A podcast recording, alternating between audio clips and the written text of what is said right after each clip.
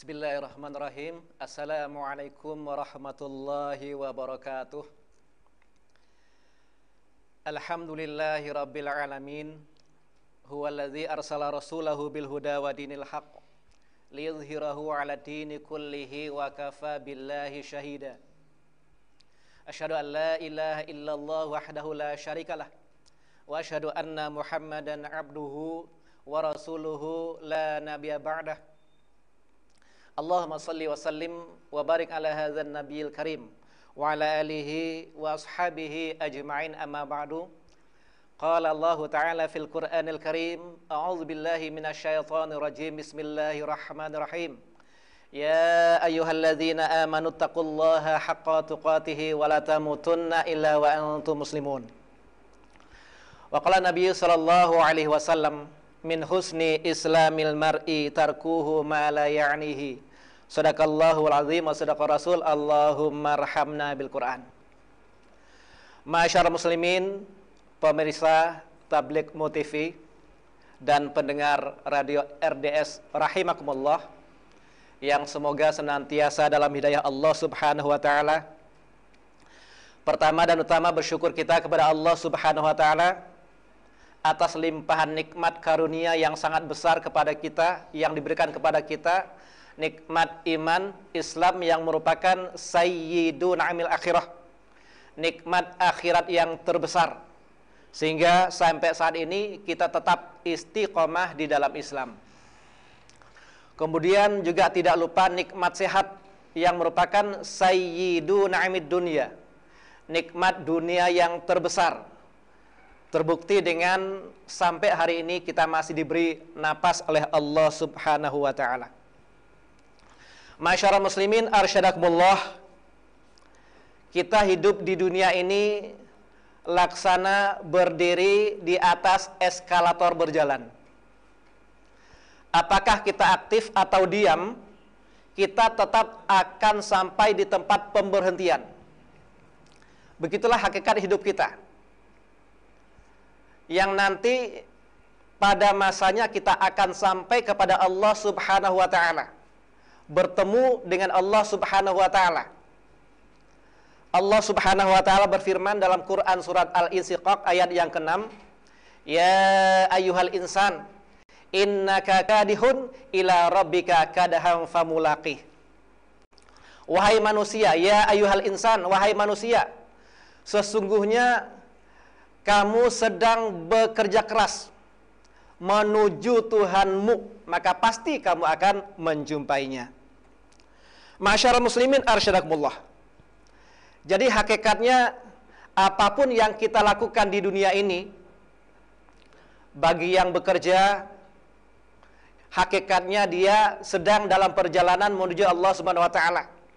Bagi yang saat ini barangkali sedang mendengarkan tausiah lewat radio RDS, Tablik Motivi, ini hakikatnya sedang dalam perjalanan menuju Allah Subhanahu wa taala yang barangkali sedang mencuci pakaian, yang barangkali sedang masak, yang barangkali sedang bersepeda ria, yang barangkali sedang macam-macam itu hakikatnya kita sedang dalam perjalanan menuju Allah Subhanahu wa taala.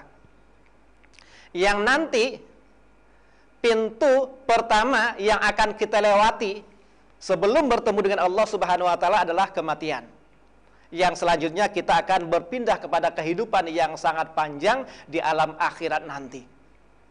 Masyarakat muslimin arsyadakumullah. Nanti di alam akhirat yang menunggu kita hanya ada dua. Yang menunggu kita hanya ada dua. Surga atau neraka.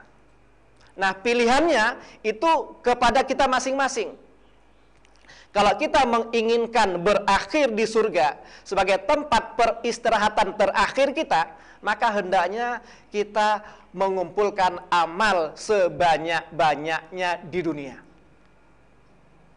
Tetapi kalau kita ingin akhirat, karena ternyata pada kenyataannya, kalau kita ingin neraka maksudnya, ternyata pada kenyataannya banyak orang yang berharap surga tetapi kakinya melangkah ke neraka.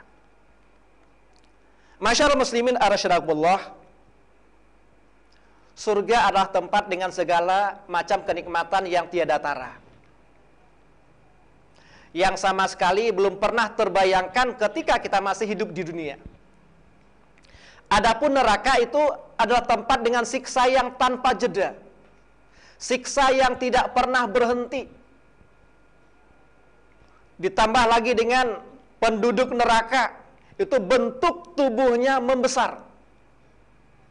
Dikisahkan penduduk neraka itu apa namanya tempat duduknya tempat duduknya saja itu sejauh perjalanan Makkah dan Madinah. Pundaknya itu sejauh tiga hari perjalanan apabila ditempuh dengan seekor kuda yang berlari kencang. Itu penduduk neraka. Bentuk tubuhnya membesar supaya mereka nanti dalam menghadapi siksa dari Allah Subhanahu wa taala karena perbuatan dosa yang dia lakukan itu kalau istilah Jawanya cucu bisa merasakan siksa neraka dengan sangat dengan sangat berat akibat perbuatan yang telah mereka lakukan di dunia.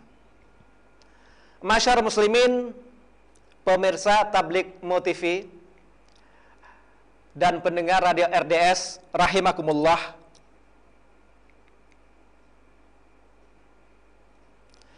Hidup di dunia ini sangat singkat. Yang abadi adalah di akhirat. Allah Subhanahu wa taala berfirman, "Wa inna yauman inda rabbika ka alfi sanatin mimma ta'udun." Dan sesungguhnya sehari di sisi Tuhanmu adalah seperti seribu tahun menurut perhitunganmu. Jadi sangat singkat sekali. Tetapi satu hal, satu kenyataan yang harus kita hadapi adalah hidup di dunia ini sangat singkat, yang abadi nanti di akhirat. Yang panjang itu di akhirat. Tetapi kenyataan yang harus kita hadapi dalam rangka mempersiapkan kehidupan di akhirat yang waktunya abadi sangat panjang, itu bekalnya persiapannya harus kita siapkan di dunia yang waktunya sangat singkat. Karena umur manusia, umur kita di dunia sangat singkat. Sebagaimana yang disabdakan oleh Rasulullah Sallallahu Alaihi Wasallam, "A'maru ummati ma baina sittina ila sab'in wa aqalluhum ma dzalik."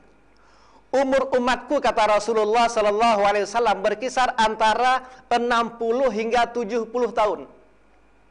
Wa dzalik. Dan yang melampaui batas usia itu sedikit. Ada tetapi sedikit. Masyarakat muslimin arsyadakumullah. Jadi kalau kita saksikan kenyataan dalam kehidupan ini kebanyakan rata-rata manusia yang dipanggil oleh Allah Subhanahu wa taala kisaran umurnya adalah 60 hingga 70 tahun. Yang lebih dari itu jumlahnya tidak banyak. Ini bisa kita bukti kita bisa kita buktikan, bisa kita saksikan. Oleh karenanya masyarakat muslimin arsalamullah dalam rangka persiapan untuk menghadapi kehidupan yang sangat panjang nanti di akhirat kita perlu cara yang cerdas.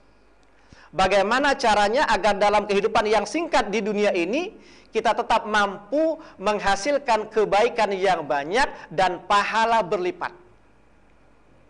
Walaupun umur kita singkat, walaupun hidup kita singkat, tetapi kita tetap mampu menghasilkan kebaikan yang banyak dan pahala berlipat. Ini butuh ilmu. Ini butuh ilmu. Makanya masyarakat muslimin arasyadakumullah pada kesempatan pagi hari yang baik ini saya akan jelaskan beberapa hal yang semestinya kita lakukan bagaimana caranya agar dalam kehidupan yang singkat ini kita tetap mampu menghasilkan kebaikan yang banyak dan pahala berlipat. Di antaranya adalah yang pertama dengan mengisi seluruh waktu untuk yang mendatangkan maslahat dan meninggalkan perbuatan sia-sia. Rasulullah Shallallahu Alaihi Wasallam bersabda, "Min husni Islamil mar'i tarkuhu malayanihi." Termasuk tanda kebagusan, termasuk tanda kebaikan keislaman seseorang adalah dia meninggalkan perkara-perkara yang tidak berguna baginya. Min husni islamil mar'i tarkuhu ma la ya'nihi. Termasuk tanda kebagusan seseorang adalah dia meninggalkan perkara-perkara yang tidak berguna baginya. Hadis riwayat Tirmidzi. Pemirsa Tablik Mutifi dan pendengar radio RDS Arsyadakumullah kalau seseorang sudah bisa, sudah mampu meninggalkan perkara-perkara yang tidak berguna baginya dan mengisi hari-harinya dengan kegiatan yang penuh maslahat, yang bermanfaat, maka orang tersebut berhak untuk menyandang gelar orang yang memiliki keislaman yang bagus. Berhak menyandang gelar orang yang memiliki keislaman yang bagus. Dan ini ternyata ada manfaatnya yang bagus dengan orang yang memiliki keislaman belum mencapai derajat itu ternyata dalam hal pahala yang akan diberikan oleh Allah Subhanahu wa taala. Dalam hal pahala yang akan diberikan oleh Allah Subhanahu wa taala apabila mereka melakukan kebaikan apa pun bentuknya ternyata beda. Tidak sama Orang yang Islamnya biasa-biasa dengan orang yang Islamnya bagus ternyata dalam hal pahala yang akan diberikan oleh Allah Subhanahu wa taala kalau dia berbuat baik apa pun bentuknya ternyata beda. Orang yang memiliki keislaman yang bagus maka pahala yang akan diberikan kepadanya dilipat gandakan oleh Allah Subhanahu wa taala menjadi 10 hingga 700 kali. Rasulullah Shallallahu Alaihi Wasallam bersabda, "Ida ahsana ahadukum islamahu fakullu hasanatin ya maluha tuktabulhu bi ashri amsalha sab'i mi'atin di'fin."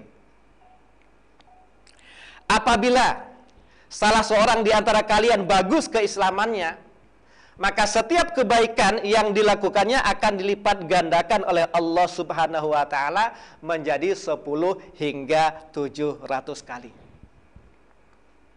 Masyarul muslimin arasyadakumullah Imam Ibnu Rajab Al-Hambali. Ketika beliau mengomentari hadis ini Beliau mengatakan Orang mukmin Yang memiliki ya, Orang mukmin ya, Setiap kebaikan yang dia lakukan Pahalanya akan dilipat gandakan oleh Allah subhanahu wa ta'ala Menjadi 10 kali Kata beliau adalah hal yang pasti Kenapa? Karena ini selaras dengan firman Allah Subhanahu wa taala. Dalam Quran Quran surah Al-An'am ayat 160 yang berbunyi man jaa bil hasanati falahu asyru amsalha wa man jaa bis sayyiati fala yujza illa mithlaha wa hum la yuzlamun. Barang siapa yang membawa amal yang baik maka baginya pahala 10 kali lipatnya Sepuluh kali dari amalnya. Dan barang siapa yang membawa perbuatan jahat maka dia tidak diberi pembalasan melainkan seimbang dengan kejahatannya. Sedang mereka sedikit pun tidak dianiaya sedikit pun tidak dirugikan. Jadi mudahnya masyarakat muslimin arsyadakumullah orang kalau berbuat baik satu dibalas sepuluh tetapi kalau orang berbuat jahat satu dibalas satu. Ini bentuk penghargaan dari Allah Subhanahu wa taala yang sangat luar biasa kepada orang beriman. Karunia Allah yang sangat luar biasa kepada orang yang beriman. Makanya tidak ada ceritanya. Tidak ada ceritanya misalkan dalam hidup seorang hamba orang beriman melakukan amal baik dan amal buruk sama melakukan kejahatan 10 kali menjata, melakukan kebaikan 10 kali.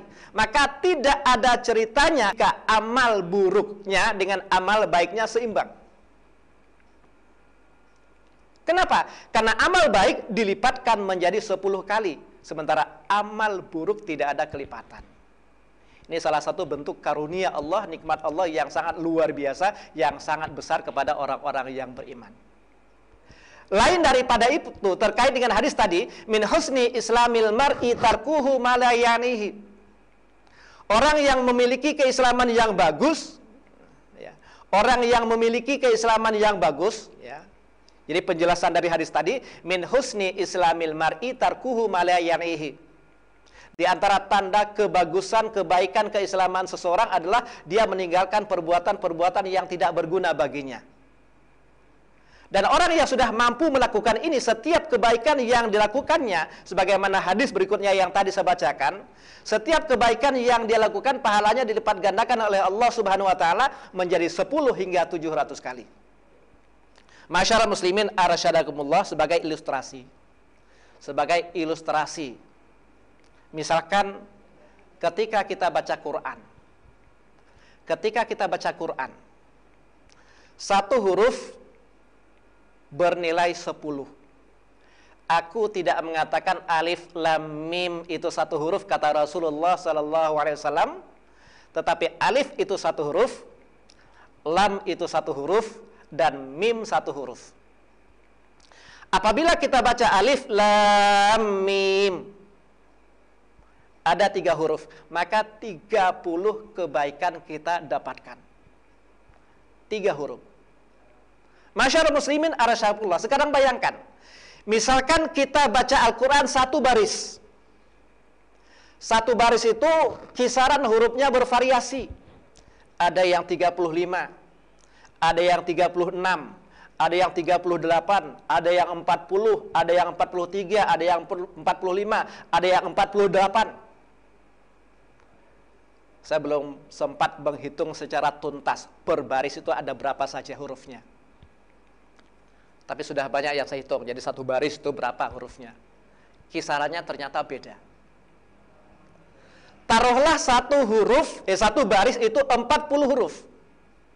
Satu baris 40 huruf. Kita ambil yang 40 huruf.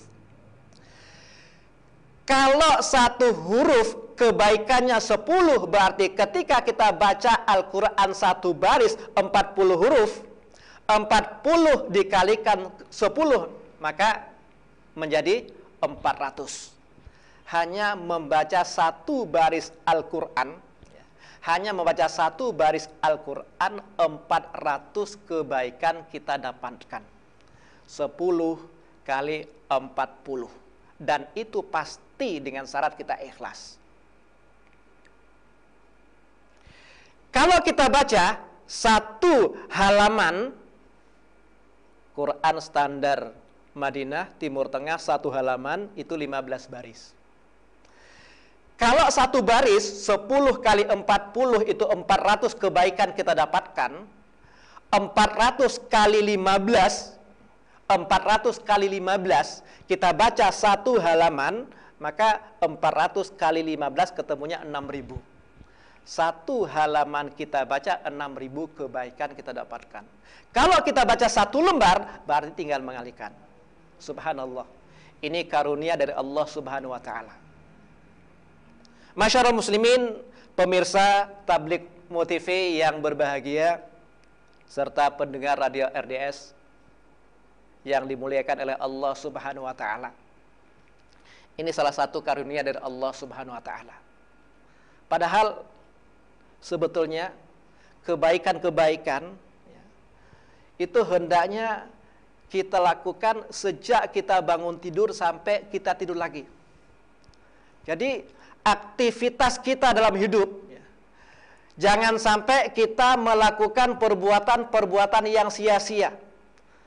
Hendaknya seyogianya mulai kita bangun tidur sampai nanti kita tidur lagi, hari-hari kita setiap menitnya bahkan setiap detiknya kita isi dengan kegiatan-kegiatan yang bermanfaat. Ini dalam rangka untuk apa namanya menghasilkan kebaikan yang banyak dan pahala berlipat. Dalam rangka untuk menghasilkan kebaikan yang banyak dan pahala berlipat. Bahkan dalam hal pahala itu banyak sekali amalan-amalan yang hanya dalam hitungan menit hanya dalam hitungan menit tetapi pahalanya luar biasa. Pahalanya sangat besar. Salah satu contoh misalkan ketika kita bangun tidur, seyogianya kita berdoa kepada Allah Subhanahu wa taala. Alhamdulillahillazi ahyana ba'dama amatana wa ilaihin nusur. Kemudian barangkali dilanjutkan dengan sholat malam. Setelah itu menunggu waktu subuh. Azan subuh ada waktu yang sangat bagus yakni antara azan dan iqamah. Dan khusus untuk waktu subuh itu juga ada waktu untuk melaksanakan sholat sunnah fajar.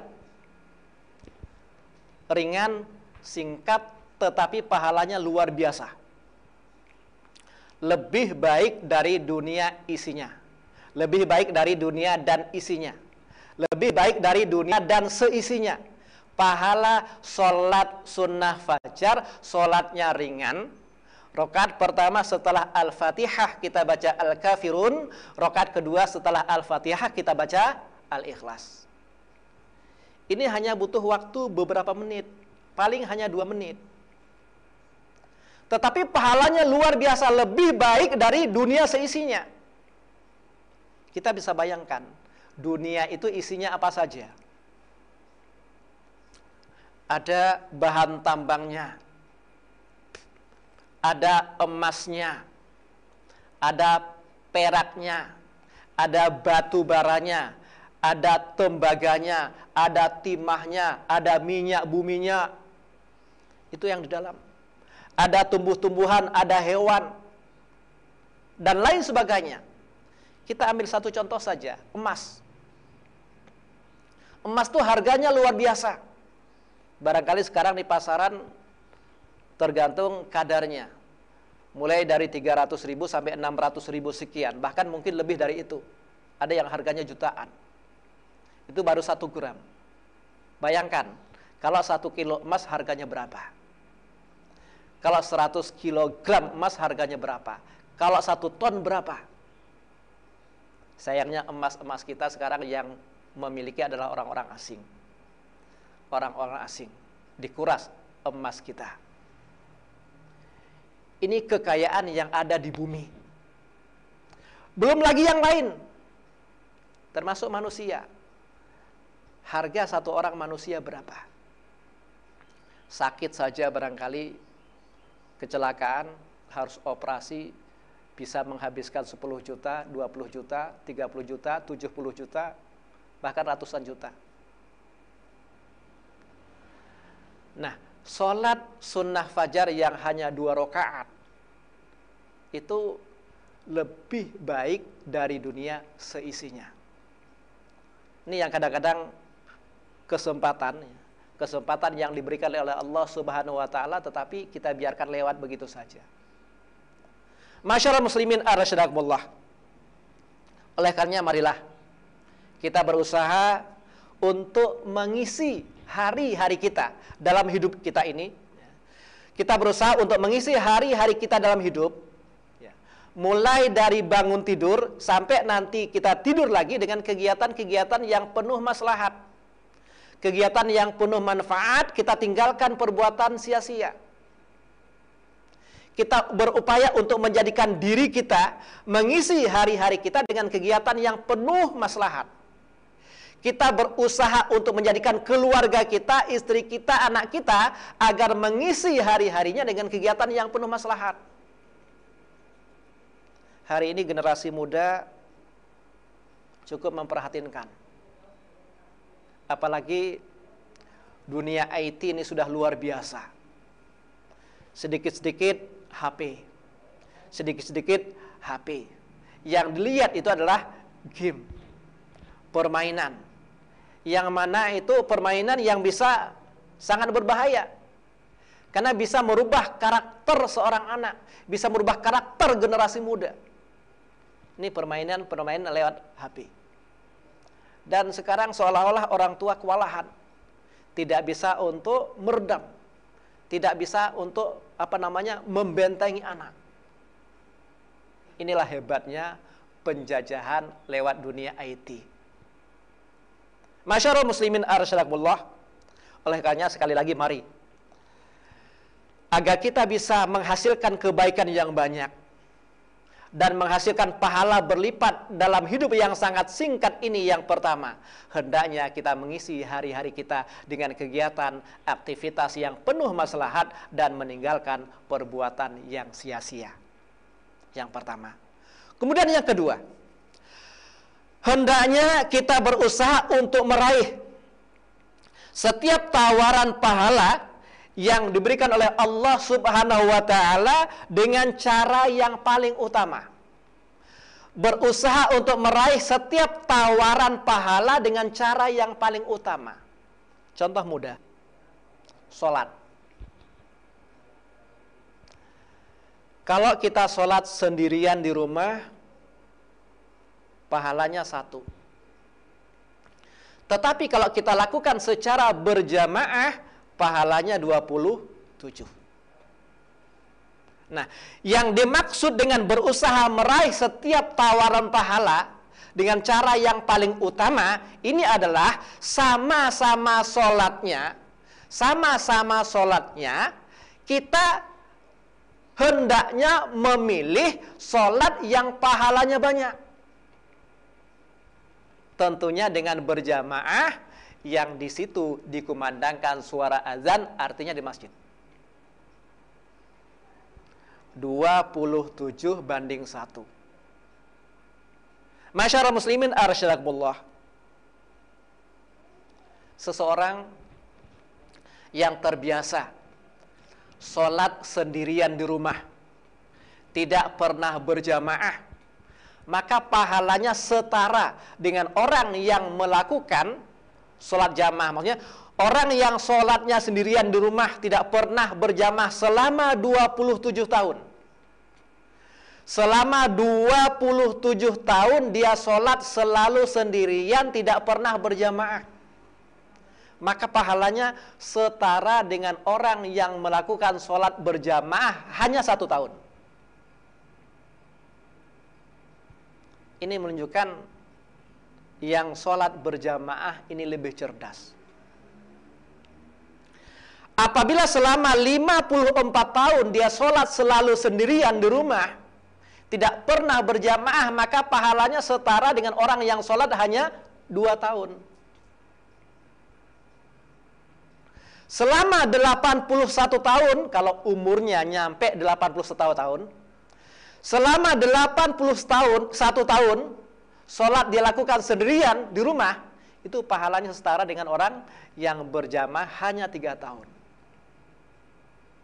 Padahal masyarakat muslimin arsyadakumullah, sekali lagi saya ingatkan sabda Rasulullah tadi, umur manusia, umur umat Muhammad itu kisarannya hanya berkisar antara 60 hingga 70 a'maru ummati ma baina sittina ila sab'in wa aqalluhum mayajuzu dzalik.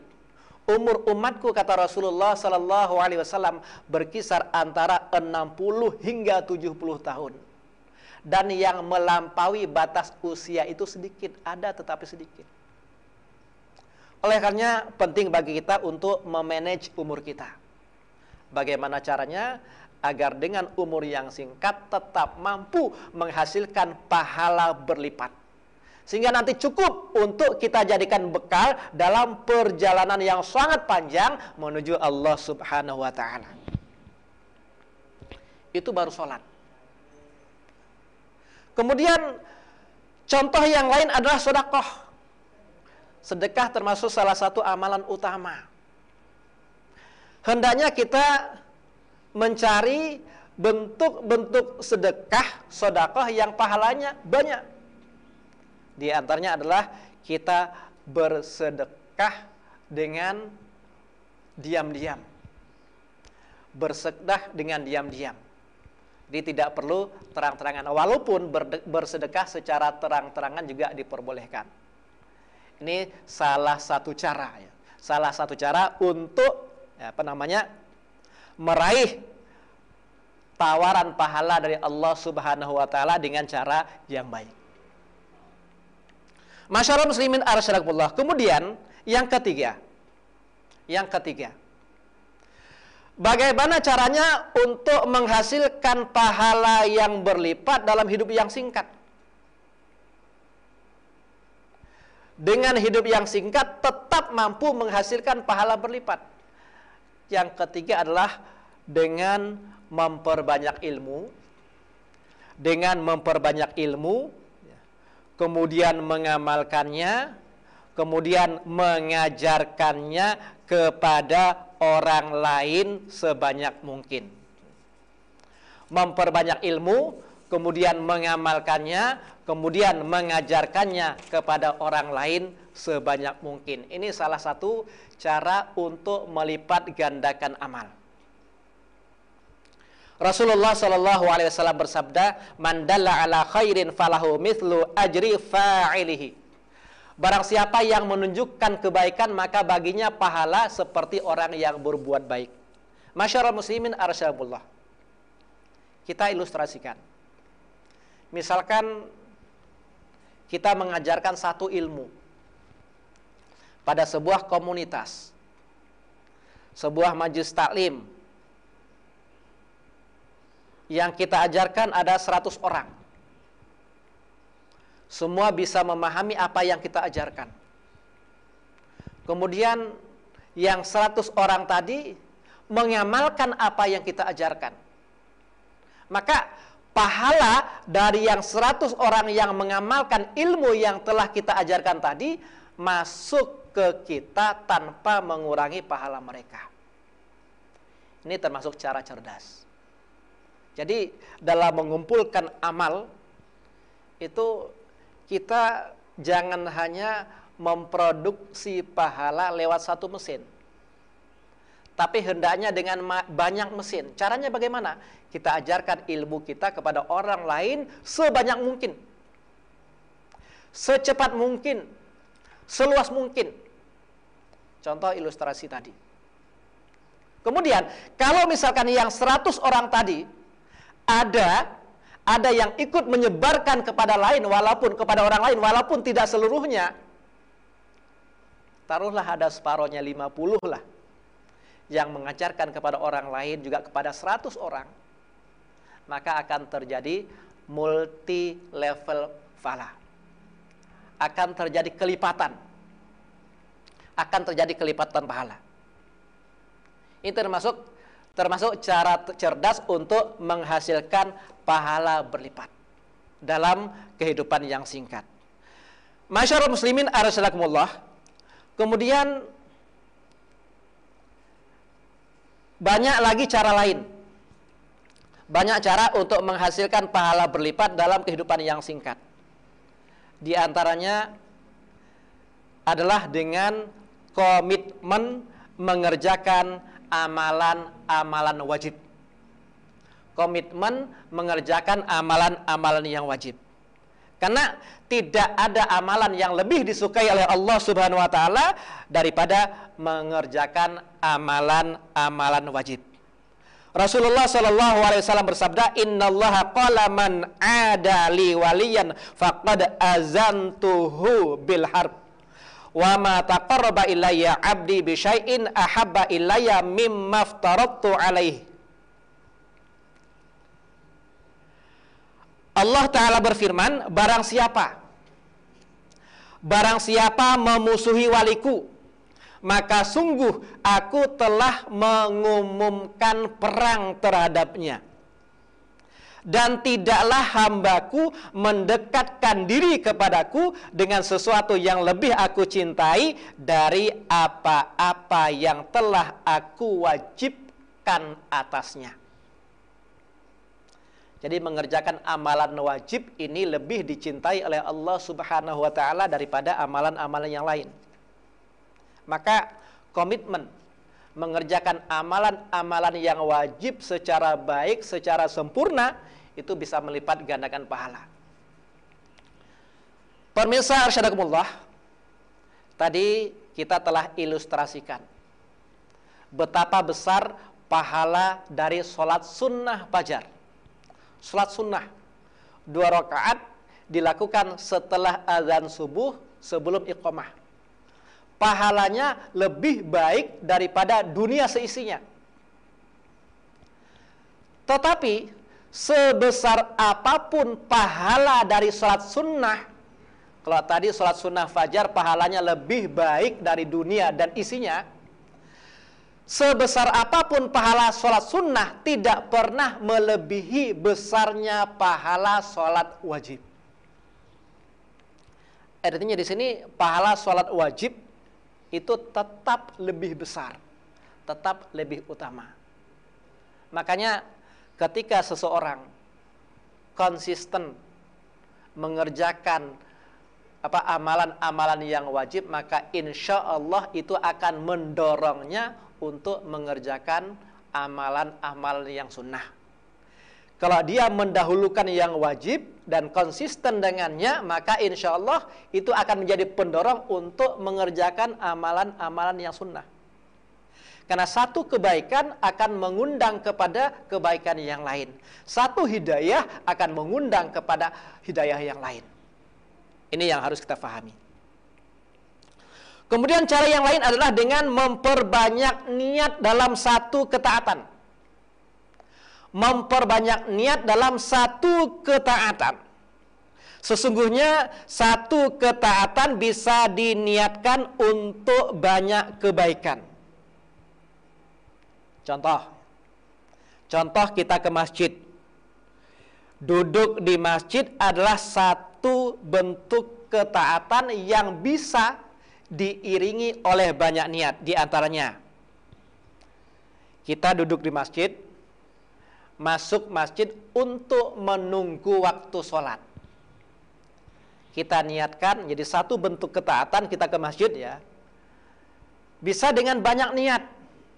Kita masuk masjid kita duduk di masjid ya, dengan niat untuk menunggu waktu sholat.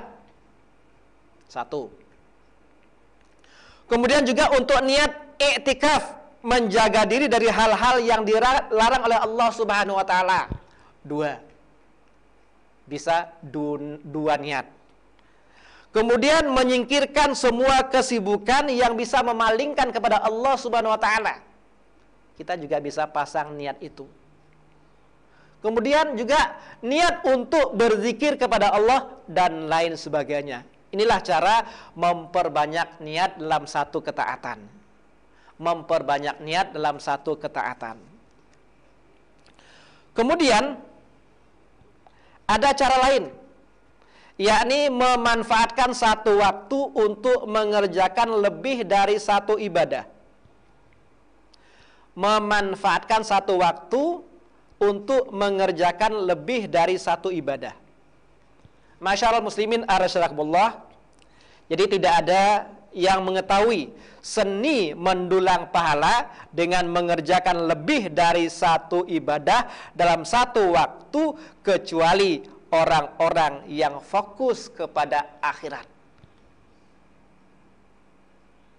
dan rakus terhadap kebenaran.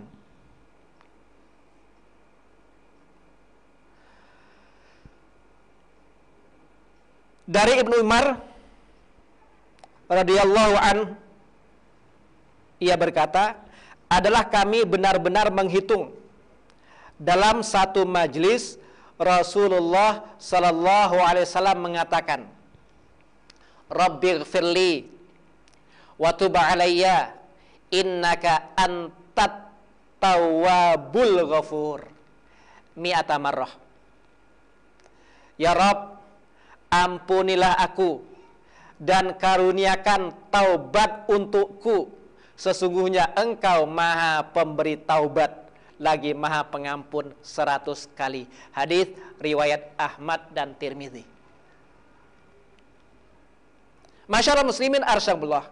Coba kita perhatikan. Jadi dalam satu majlis, ya, dalam satu majlis itu Rasulullah Shallallahu Alaihi Wasallam melakukan dua ketaatan sekaligus. Apa? Yang pertama Rasulullah berzikir kepada Allah Subhanahu wa taala. Istighfar kepada Allah Subhanahu wa taala yang pertama. Kemudian yang kedua, Rasulullah mengajarkan akan agama kepada para sahabatnya dalam satu majelis. Jadi dalam satu waktu itu kita bisa mengerjakan lebih dari satu macam ibadah. Dalam satu waktu. Masyaallah muslimin arasyadakumullah. Kemudian yang lain, ini yang paling hebat. Sesungguhnya banyak sekali, banyak sekali amalan-amalan yang bisa kita lakukan, waktunya singkat, tetapi menghasilkan pahala yang tanpa batas. Tapi kita cukupkan sampai di situ dulu. Nah, ini ada amalan-amalan yang luar biasa. Jadi kalau tadi amalan-amalan yang disebutkan itu pahalanya jelas ada hitungannya. Satu contoh. Ketika kita melaksanakan sholat sunnah fajar, itu pahalanya lebih baik dari dunia seisinya. Kemudian ketika kita melaksanakan sholat jamaah, pahalanya 27 kalinya. Ketika kita baca Quran, satu huruf bernilai 10. Satu baris kita baca 10 kali 40 400. Itu kalau apa namanya Islam kita biasa-biasa saja. Tetapi kalau Islam kita bagus, maka 400 tadi masih dikalikan. Masih dikalikan menjadi apa namanya 100 hingga 700. Makanya seulang kembali perkataan Ibnu Rajab Al-Hambali tadi. Jadi seorang mukmin ya yang memiliki keislaman yang bagus setiap kebaikan yang dia lakukan pahalanya dilipat gandakan oleh Allah Subhanahu wa taala menjadi 10 kali itu pasti kata beliau. Tetapi kelipatan menjadi 100, 200, 300 hingga 700 itu tergantung kepada kadar kebagusan masing-masing orang. Karena tiap orang tidak sama kadar kebagusan keislamannya. Satu rumah saja ada suami, ada istri, ada anak, kadar kebagusan keislamannya tidak sama. Baik. Kembali kepada amal terakhir yang akan kita jelaskan. Ini terkait amalan yang pahalanya tidak terhitung. Pahalanya tanpa batas. Ada tiga amalan. Ada tiga amalan yang bisa menghasilkan pahala tanpa batas. Yang apabila ini bisa kita laksanakan, maka insya Allah itu akan memadai sebagai bekal kita dalam menghadapi hidup yang sangat panjang nanti di akhirat. Dan insya Allah kita akan berakhir di surga, bukan di neraka. Nauzubillah misalnya. Apa amalannya? Yang pertama adalah sabar. Sabar ini amalan yang akan menghasilkan pahala tanpa batas. Allah Subhanahu wa taala berfirman dalam Quran surat Az-Zumar ayat yang 10. Inna yuwaffas sabiruna ajrahum bighairi hisab. Hanya orang-orang yang bersabarlah yang disempurnakan pahalanya tanpa batas. Makanya salah satu ilmu yang harus kita pelajari yang wajib kita pelajari itu adalah sabar. Jadi ada empat masalah yang wajib kita pelajari. Yang pertama adalah ilmu, yang kedua adalah amal, yang ketiga adalah eh, adalah dakwah dan yang keempat adalah sabar. Sabar ini merupakan senjata, senjata yang paling ampuh. Disolusi dari segala macam masalah, sabar, sabar dan iman. Masyarakat muslimin arsyadullah hari ini memang kesabaran betul-betul dituntut pada kita, utamanya kaum muslimin. Di mana kaum muslimin ini apa namanya sedang diobrak-abrik, sedang diobo-obo, dinistakan, dilecehkan, dikambing hitamkan, ditindas. Ini semua butuh kesabaran. Ini semua butuh kesabaran. Utamanya di akhir zaman ini memang kesabaran ini betul-betul dituntut bagi kita semuanya. Ini apabila bisa kita lakukan insya Allah akan menghasilkan pahala tanpa batas. Yang pertama. Kemudian yang kedua adalah memaafkan. Diriwayatkan dari Ibnu Al-Anbari bahwa Hasan Al-Basri pada suatu malam berdoa, "Ya Allah, ampunilah orang-orang yang telah menzolimiku. Jadi Hasan Al-Basri malam-malam berdoa kepada Allah Subhanahu wa taala, "Ya Allah, ampunilah orang-orang yang telah menzolimiku." Beliau mengucapkannya sampai berkali-kali. Di Hasan Al-Basri mengucapkan kalimat ini sampai berkali-kali. Lalu seseorang berkata kepadanya, "Wahai Abu Said." Ini julukan untuk Hasan Al-Basri. Tadi malam aku mendengarkanmu mendoakan orang-orang yang telah menzolimimu. Aku mendengarkanmu mendoakan orang-orang yang telah menzolimimu. Hingga aku berharap menjadi salah satu orang yang telah menzolimimu. Mengapa engkau berdoa dengan doa itu ya Syekh? Kemudian Hasan Al-Basri menjawab, Sesungguhnya Allah subhanahu wa ta'ala berfirman, kata beliau, Faman afa wa aslaha fa ajruhu ala Allah. Barang siapa memaafkan dan berbuat baik kepada orang yang berbuat jahat, maka pahalanya dari Allah. Ini kehebatan dari memaafkan. Masyarakat muslimin, pemirsa Tablik Mutivi yang berbahagia dan pendengar radio RDS yang semoga dalam hidayah Allah Subhanahu wa taala itulah di antara amalan-amalan yang bisa kita lakukan.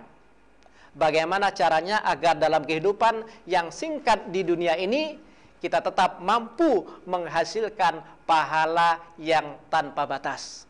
Di antaranya yang pertama tadi hendaknya kita mengisi hari-hari kita dengan kegiatan yang penuh maslahat dan meninggalkan perbuatan yang sia-sia. Kemudian yang kedua adalah berusaha untuk meraih setiap tawaran pahala itu dengan cara yang paling utama. Dan yang ketiga hendaknya kita memperbanyak ilmu kemudian mengamalkannya dan mengajarkannya kepada orang lain sebanyak mungkin dan tadi ada beberapa tambahan. Masyarakat muslimin arasyadakumullah Barangkali ini yang perlu saya sampaikan pada kesempatan pagi hari ini. Mudah-mudahan ada manfaatnya bagi kita bersama.